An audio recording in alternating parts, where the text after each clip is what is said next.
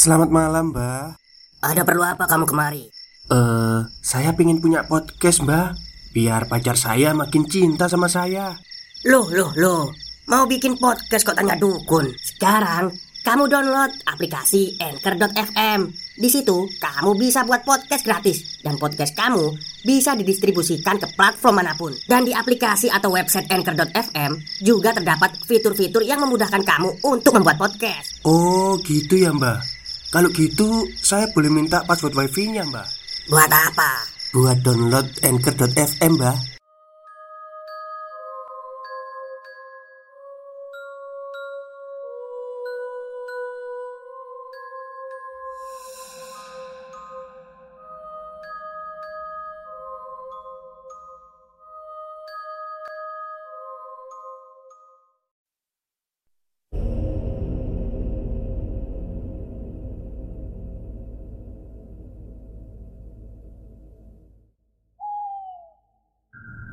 Assalamualaikum warahmatullahi wabarakatuh. Halo semuanya Jumpa lagi dengan saya Chow Sing Sing Kurator dari Podcast Horror Night Story. Halo apa kabar semuanya? Semoga kalian baik-baik saja ya. Dan seperti biasanya pada malam hari ini, saya kembali dan akan menceritakan sebuah kisah mistis untuk kalian semua. Kisah mistis kali ini datang dari, atau maksud saya, saya datangkan ya, saya datangkan dari Mas Bri Story. Jadi, beliau ini akan menceritakan sebuah kisah dari temannya saat menginap di sebuah villa yang ada di Puncak Bogor. Dan seperti apa kisahnya? Mari kita simak. Liburan bersama teman memang sangat menyenangkan dan seru. Tetapi banyak pula acara liburan yang malah berubah jadi pengalaman seram dan mengerikan. Salah satu teman akan bercerita pengalaman seramnya ketika menginap di Villa Puncak Bogor. Simak di sini hanya di Bri Story. Aduh, lumayan kan? Villa gratis, hehe. Rimba bilang begitu. Ah, liburnya lama pula, sedap bener. Vero nggak kalah antusiasnya. Iya, kata bokap, yang penting bisa jaga kelakuan dan kebersihan. Soalnya nggak ada yang bantu-bantu. Jadi kita benar-benar sendirian di sini. Ucap Desi. Percakapan yang menyenangkan itu terjadi di dalam kampus. Tempat kami semua berkuliah.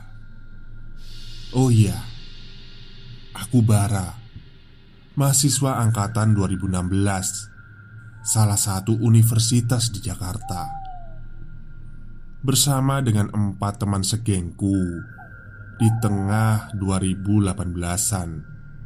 Kami berencana untuk mengisi liburan dengan menginap di villa yang letaknya di kawasan Puncak Bogor. Bukan tanpa alasan kami mencetuskan ide itu. Semua karena orang tua Desi baru saja membeli villa di puncak. Desi dan keluarganya juga baru sekali menginap di sana sebelumnya. Jadi, kami sangat beruntung karena sudah menjadi teman dekat Desi dan bisa menggunakan villa miliknya untuk liburan. Jadi berangkat kapan kita? Dari hari Rabu aja yuk Minggunya kita balik ke Jakarta Gimana Des? Oke nggak?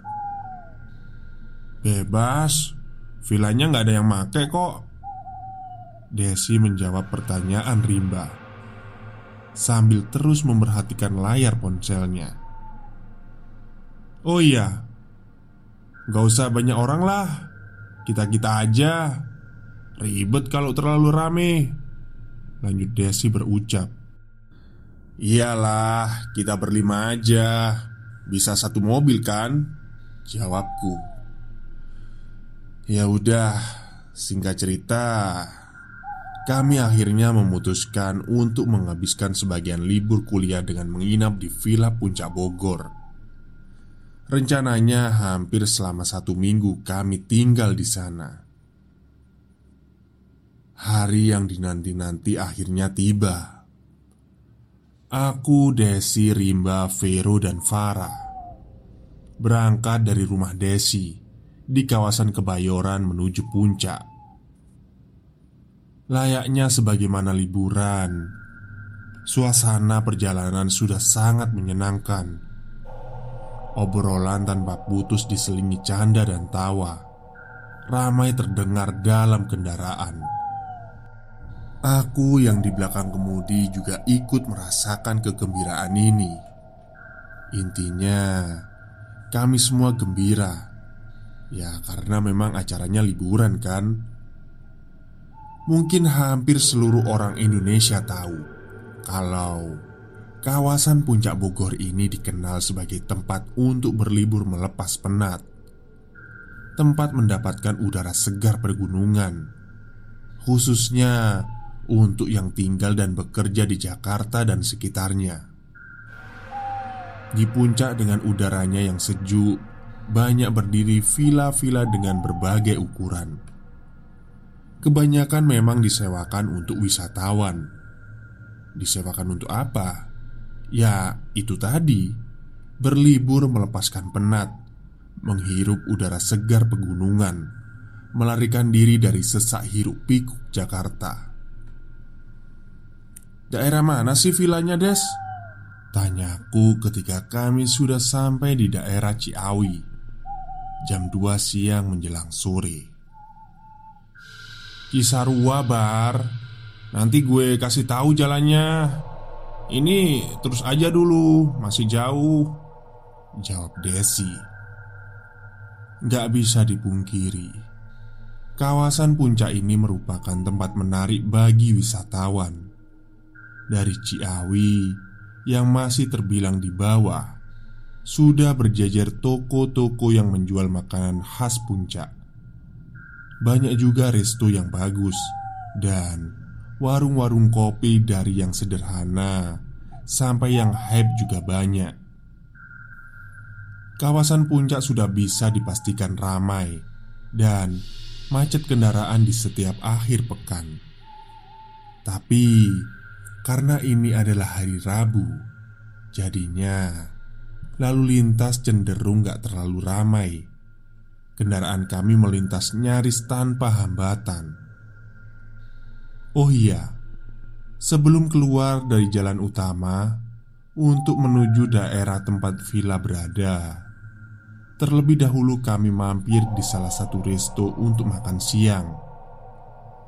Gak lama kami menghabiskan waktu di resto itu, sekitar setengah jam, dan kemudian melanjutkan perjalanan lagi. Seperti yang Desi bilang, villa yang kami tuju ini letaknya di daerah Cisarua. Desi juga bilang letak pastinya villa bisa dibilang letaknya dekat dengan kaki Gunung Pangarango. Jadi, sudah cukup jauh dari jalan utama puncak. Dan benar, aku yang bertugas sebagai supir merasakan kalau jalan yang harus ditempuh menuju villa itu cukup jauh. Tapi walaupun begitu, perjalanannya cukup menyenangkan. Suasananya cantik dan asyik dengan udara yang semakin lama semakin sejuk. Buset, gede banget villanya, Des. Itu ucapan pertama yang keluar dari mulut Vero ketika kami sudah sampai di depan villa yang berpagar dan punya gerbang tinggi. Benar yang Viro bilang, vilanya sudah kelihatan besar walaupun kami melihatnya masih dari luar. Bentar, gue turun dulu ya, buka pagarnya. Desi lalu turun untuk membuka pagar. Setelah pagar kebuka, aku lalu memasukkan kendaraan. Villa bertingkat yang bentuknya semi modern Walau nggak bisa dibilang bangunan baru Halamannya luas Jarak dari gerbang depan ke vilanya cukup jauh. Aku memarkirkan kendaraan persis di depan villa. Setelah turun dari kendaraan, kami lalu melihat-lihat sekeliling. Walaupun lebih sering kosong, tapi villa ini kelihatan sangat terawat. Rumput indah menutupi hampir seluruh permukaan halaman dan pekarangan. Beberapa pohon besar berdiri subur di bagian sudut-sudutnya. Sambil berbincang menyenangkan, kami nggak langsung masuk ke dalam villa, tapi memilih terlebih dahulu melihat-lihat ke bagian belakang.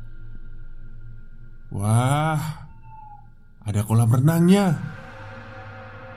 Nyaris bersamaan kami girang berteriak Mengetahui ada kolam renang di belakang. Hehe, sengaja gue gak ngomong dari awal Biar surprise gitu Kata Desi. Kolam renang yang menurutku ukurannya cukup besar Airnya bersih dan kelihatan terawat Dan di sekitarannya juga sangat bersih. Halaman belakang ternyata lebih luas dari halaman depan. Selain kolam renang ternyata di belakang juga ada bangunan lain. Namun ukurannya nggak terlalu besar. Sepertinya diperuntukkan untuk para tamu. Di pinggir kolam juga ada dua gazebo kecil Yang sangat pas sebagai tempat nongkrong dan berbincang Dan gak ketinggalan Pemandangan yang dimiliki juga sangat bagus Dari villa ini kami dapat melihat indahnya Gunung Pangraro dari jarak yang cukup dekat. Pokoknya, villa ini besar sekali dan sangat luas. Villa ini dulunya milik keluarga keturunan Belanda, katanya sih. Dari kakek nenek mereka udah lama tinggal di sini. Tapi cucu-cucunya memutuskan untuk menjual. Jadi, ya bokap gue yang beli.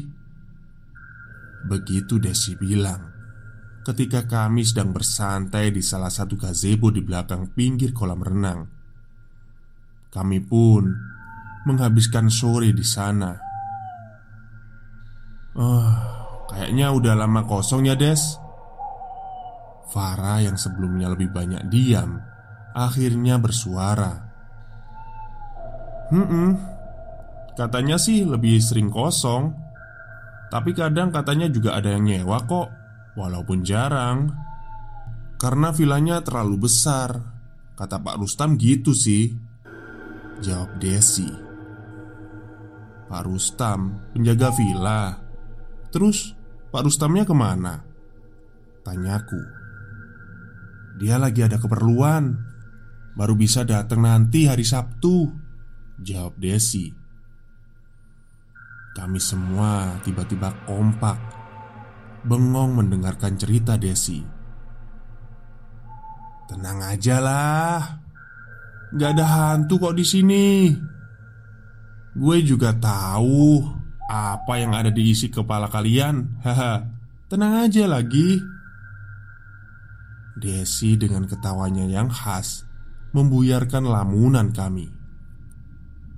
Iya sih, apa yang Desi bilang memang benar sempat terlintas di kepalaku Kalau mungkin saja villa ini angker Karena lebih sering kosong gak berpenghuni Tapi ya udahlah. Aku dan teman-teman yang lain mencoba mengabaikan pikiran jelek itu. Lebih memilih memaksa diri untuk menikmati suasana dan keindahan sekitar. Terus berpikir positif sampai akhirnya nanti ada beberapa kejanggalan yang kami alami selama menempati villa ini. Eh, gue ke kamar dulu ya bentar. Aku bilang begitu. Kemudian meninggalkan teman-teman semuanya yang tetap kumpul di gazebo. Stop, stop. Kita break sebentar. Jadi gimana? Kalian pengen punya podcast seperti saya? Jangan pakai dukun, pakai anchor, download sekarang juga gratis. Hari sudah menggelap. Sinar matahari hanya menyisakan percikan warna jingga tipisnya. Sudah jam 6 lewat sedikit. Aku melangkah masuk lewat pintu belakang. Yang pertama ditemui ketika sudah di dalam adalah dapur yang ukurannya besar. Kemudian kalau berjalan sedikit lagi, akan ditemui ruangan kecil tanpa pintu yang aku nggak tahu diperuntukkan untuk apa. Ruangan kecil ini berhadapan dengan kamar mandi. Setelah itu, akan ada ruang makan dengan meja oval yang besar. Setelah ruang makan, tentu saja ada ruang tengah yang cukup besar ukurannya. Seperti yang sudah aku ceritakan tadi, villa ini bertingkat. Di lantai bawah ada dua kamar tidur, dan di lantai atas ada tiga. Kami semua memutuskan untuk menempati kamar atas karena di atas memiliki teras yang menyajikan pemandangan pegunungan. Gak lupa, dalam perjalanan menuju kamar, Aku juga menyalakan setiap lampu yang ada di dalam Mengubah gelap suasana menjadi agak terang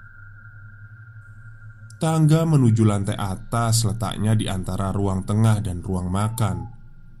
Tangganya berbentuk lorong karena tertutup dinding ruang tengah. Gak lama Akhirnya aku sampai di kamar atas. Rencananya aku hendak mandi. Makanya Tujuan ke kamar adalah untuk mengambil perlengkapan mandi. Desi juga bilang sebelumnya, kamar mandi di lantai atas belum bisa digunakan, masih dalam perbaikan katanya. Jadi, kamar mandi hanya ada di lantai bawah.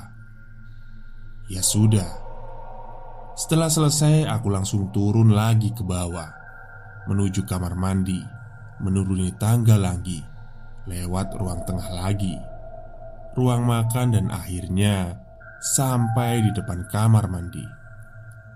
Nah, tadi sempat aku bilang kalau di depan kamar mandi ada satu ruang kosong tanpa pintu, dan aku juga nggak tahu apa fungsinya. Sebelum masuk ke kamar mandi, aku menghentikan langkah karena ada yang menarik perhatian dari dalam ruangan kosong ini.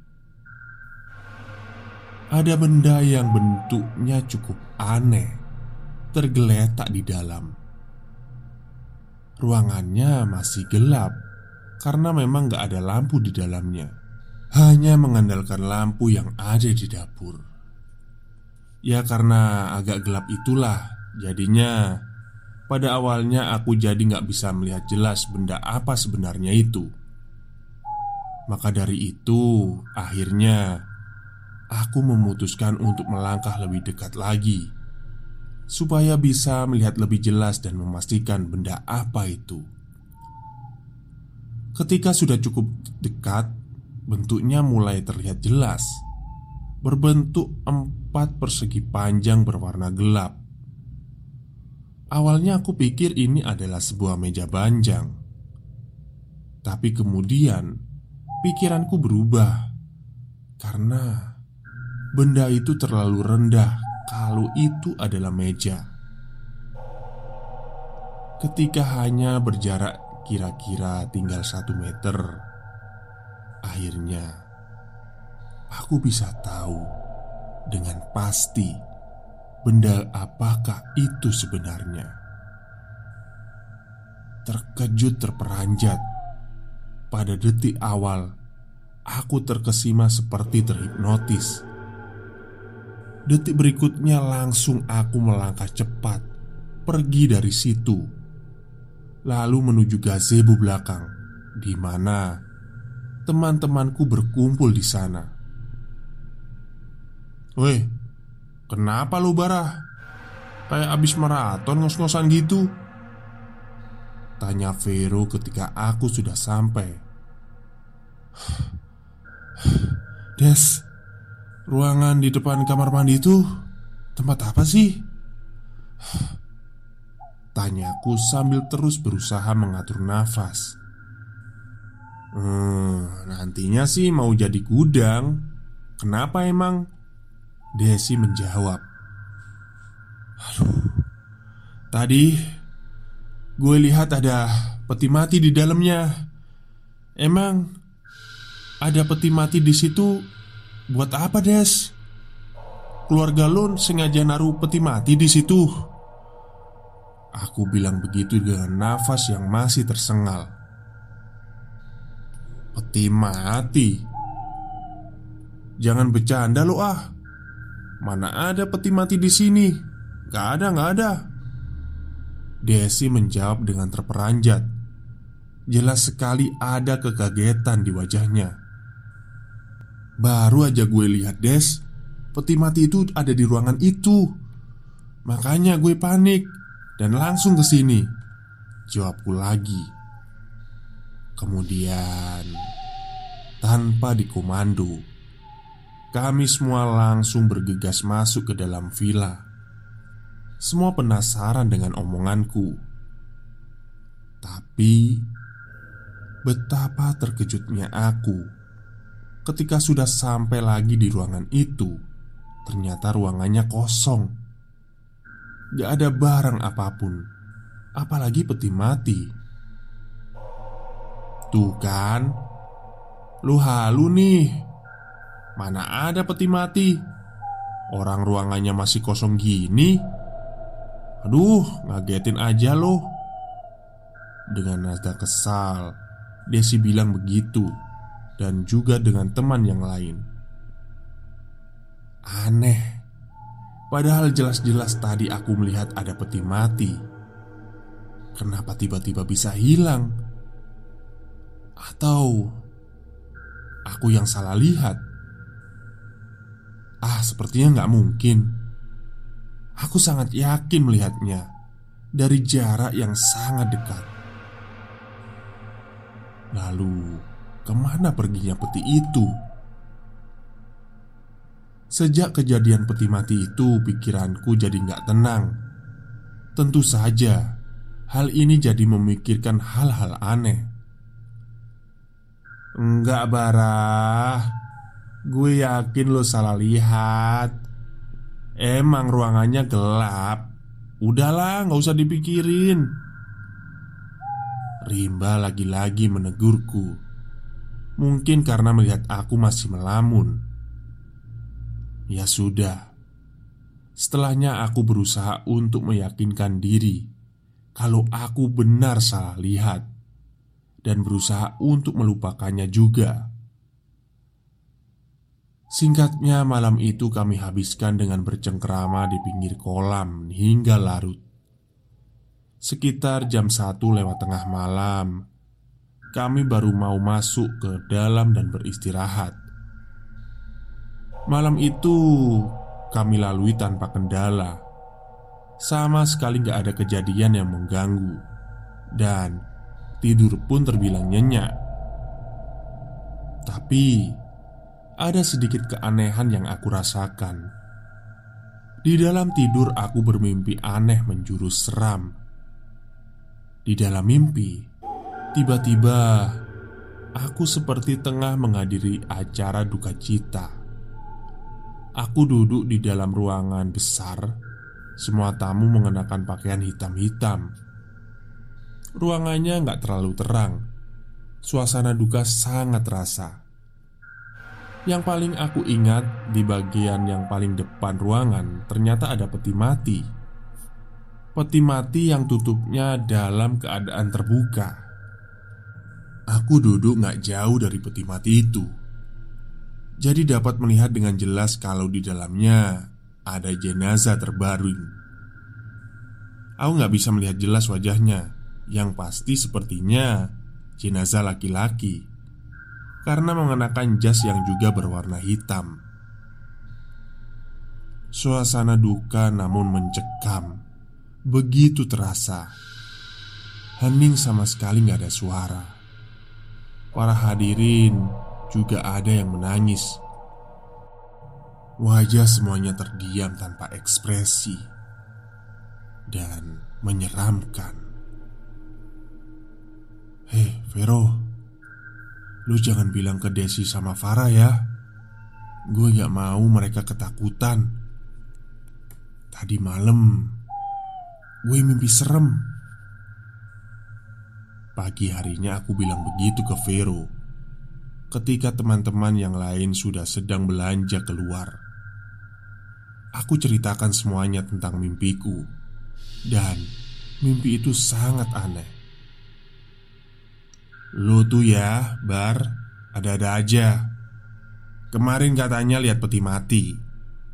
Tadi malam mimpiin peti mati. Halu lo ah.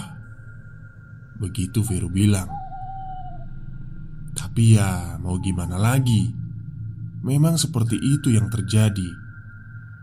Aku jadi makin merasa kalau ada yang gak beres dengan villa ini. Tapi kenapa cuma aku yang punya perasaan seperti ini? Sementara teman-teman yang lain biasa-biasa aja. Gak merasa ada yang aneh. Hari kedua Kamis Kami habiskan lagi-lagi dengan bersantai, bercengkrama, berenang Ya pokoknya santai lah. Sedikit-sedikit aku dapat mulai lupa dengan kejadian yang aku alami kemarin dan malam sebelumnya. Teralihkan dengan suasana yang menyenangkan. Akan tetapi Ternyata malam nanti akan terjadi peristiwa yang aku akan sulit melupakannya. Malam pun tiba Seperti malam sebelumnya Kami menghabiskan waktu di halaman belakang makan malam dan berbincang santai. Tapi beda. Sekitar jam 10 Aku merasa kalau badanku gak enak Kepalaku agak pusing Dan tubuhku merasa lelah Pokoknya lemes banget deh Aduh Gue kok tiba-tiba gak enak badan ya Lemes banget gue. Gue rebahan dulu ya di kamar sebentar. Capek banget rasanya. Aku bilang begitu. Ah, cemen banget lu bar. Baru juga jam segini. Teman-temanku nyaris bicara sama seperti itu. Aku gak peduli. Pokoknya aku ingin istirahat Setelah berpamitan Aku lalu masuk ke dalam villa Lalu menuju kamar atas Sesampainya di kamar, aku langsung merebahkan diri di tempat tidur. Nah, aku terjaga hanya beberapa detik saja. Setelahnya langsung lelap tak sadarkan diri. Aku tertidur. Entah sudah jam berapa, tetapi masih sangat gelap. Aku perlahan berangsur terbangun dari tidur masih dalam posisi terbaring, tapi sudah bisa melihat sekeliling.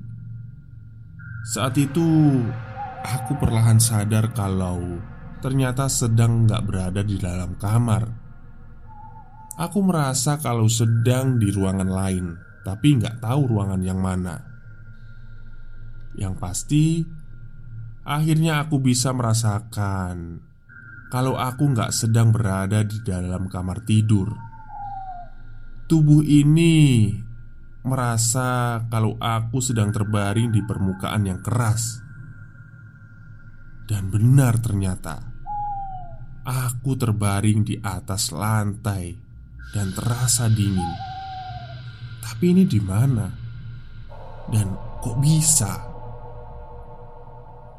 Perlahan aku bangkit lalu duduk masih belum sadar sepenuhnya. Masih bertanya-tanya, sedang di mana aku berada. Cukup lama aku terdiam berpikir keras, sampai akhirnya aku mendapatkan jawaban di mana sedang berada. Ternyata aku sedang berada di ruangan kosong depan kamar mandi bawah ruangan yang pada hari pertama aku melihat peti mati di dalamnya. Kok aku bisa ada di sini? Timbul pertanyaan dalam hati. Teman-teman pada ke mana? Muncul pertanyaan berikutnya. Perlahan aku mulai berdiri, lalu melangkah keluar ruangan. Villa dalam keadaan redup, hanya sebagian lampu yang menyala. Namun, begitu aku masih bisa melihat cukup jelas sehingga bisa melangkah dengan pasti. Yang pertama ingin aku tuju adalah kamar atas karena aku pikir teman-temanku ada di situ semua. Untuk menuju tangga ke lantai atas, tentu saja aku harus menuju ruang tengah juga, karena di situlah letak tangga berada. Tapi begitu sampai di ruang tengah, langkahku berhenti. Pada detik ini, aku tersadar kalau ternyata aku nggak sendirian. Di ruang tengah itu, aku melihat pemandangan aneh dan menyeramkan. Di redupnya ruangan, di situ ada banyak orang kira-kira belasan. Semua orang duduk berbaris di kursinya masing-masing. Semuanya berpakaian hitam. Ada beberapa anak kecil juga yang duduk di barisan depan.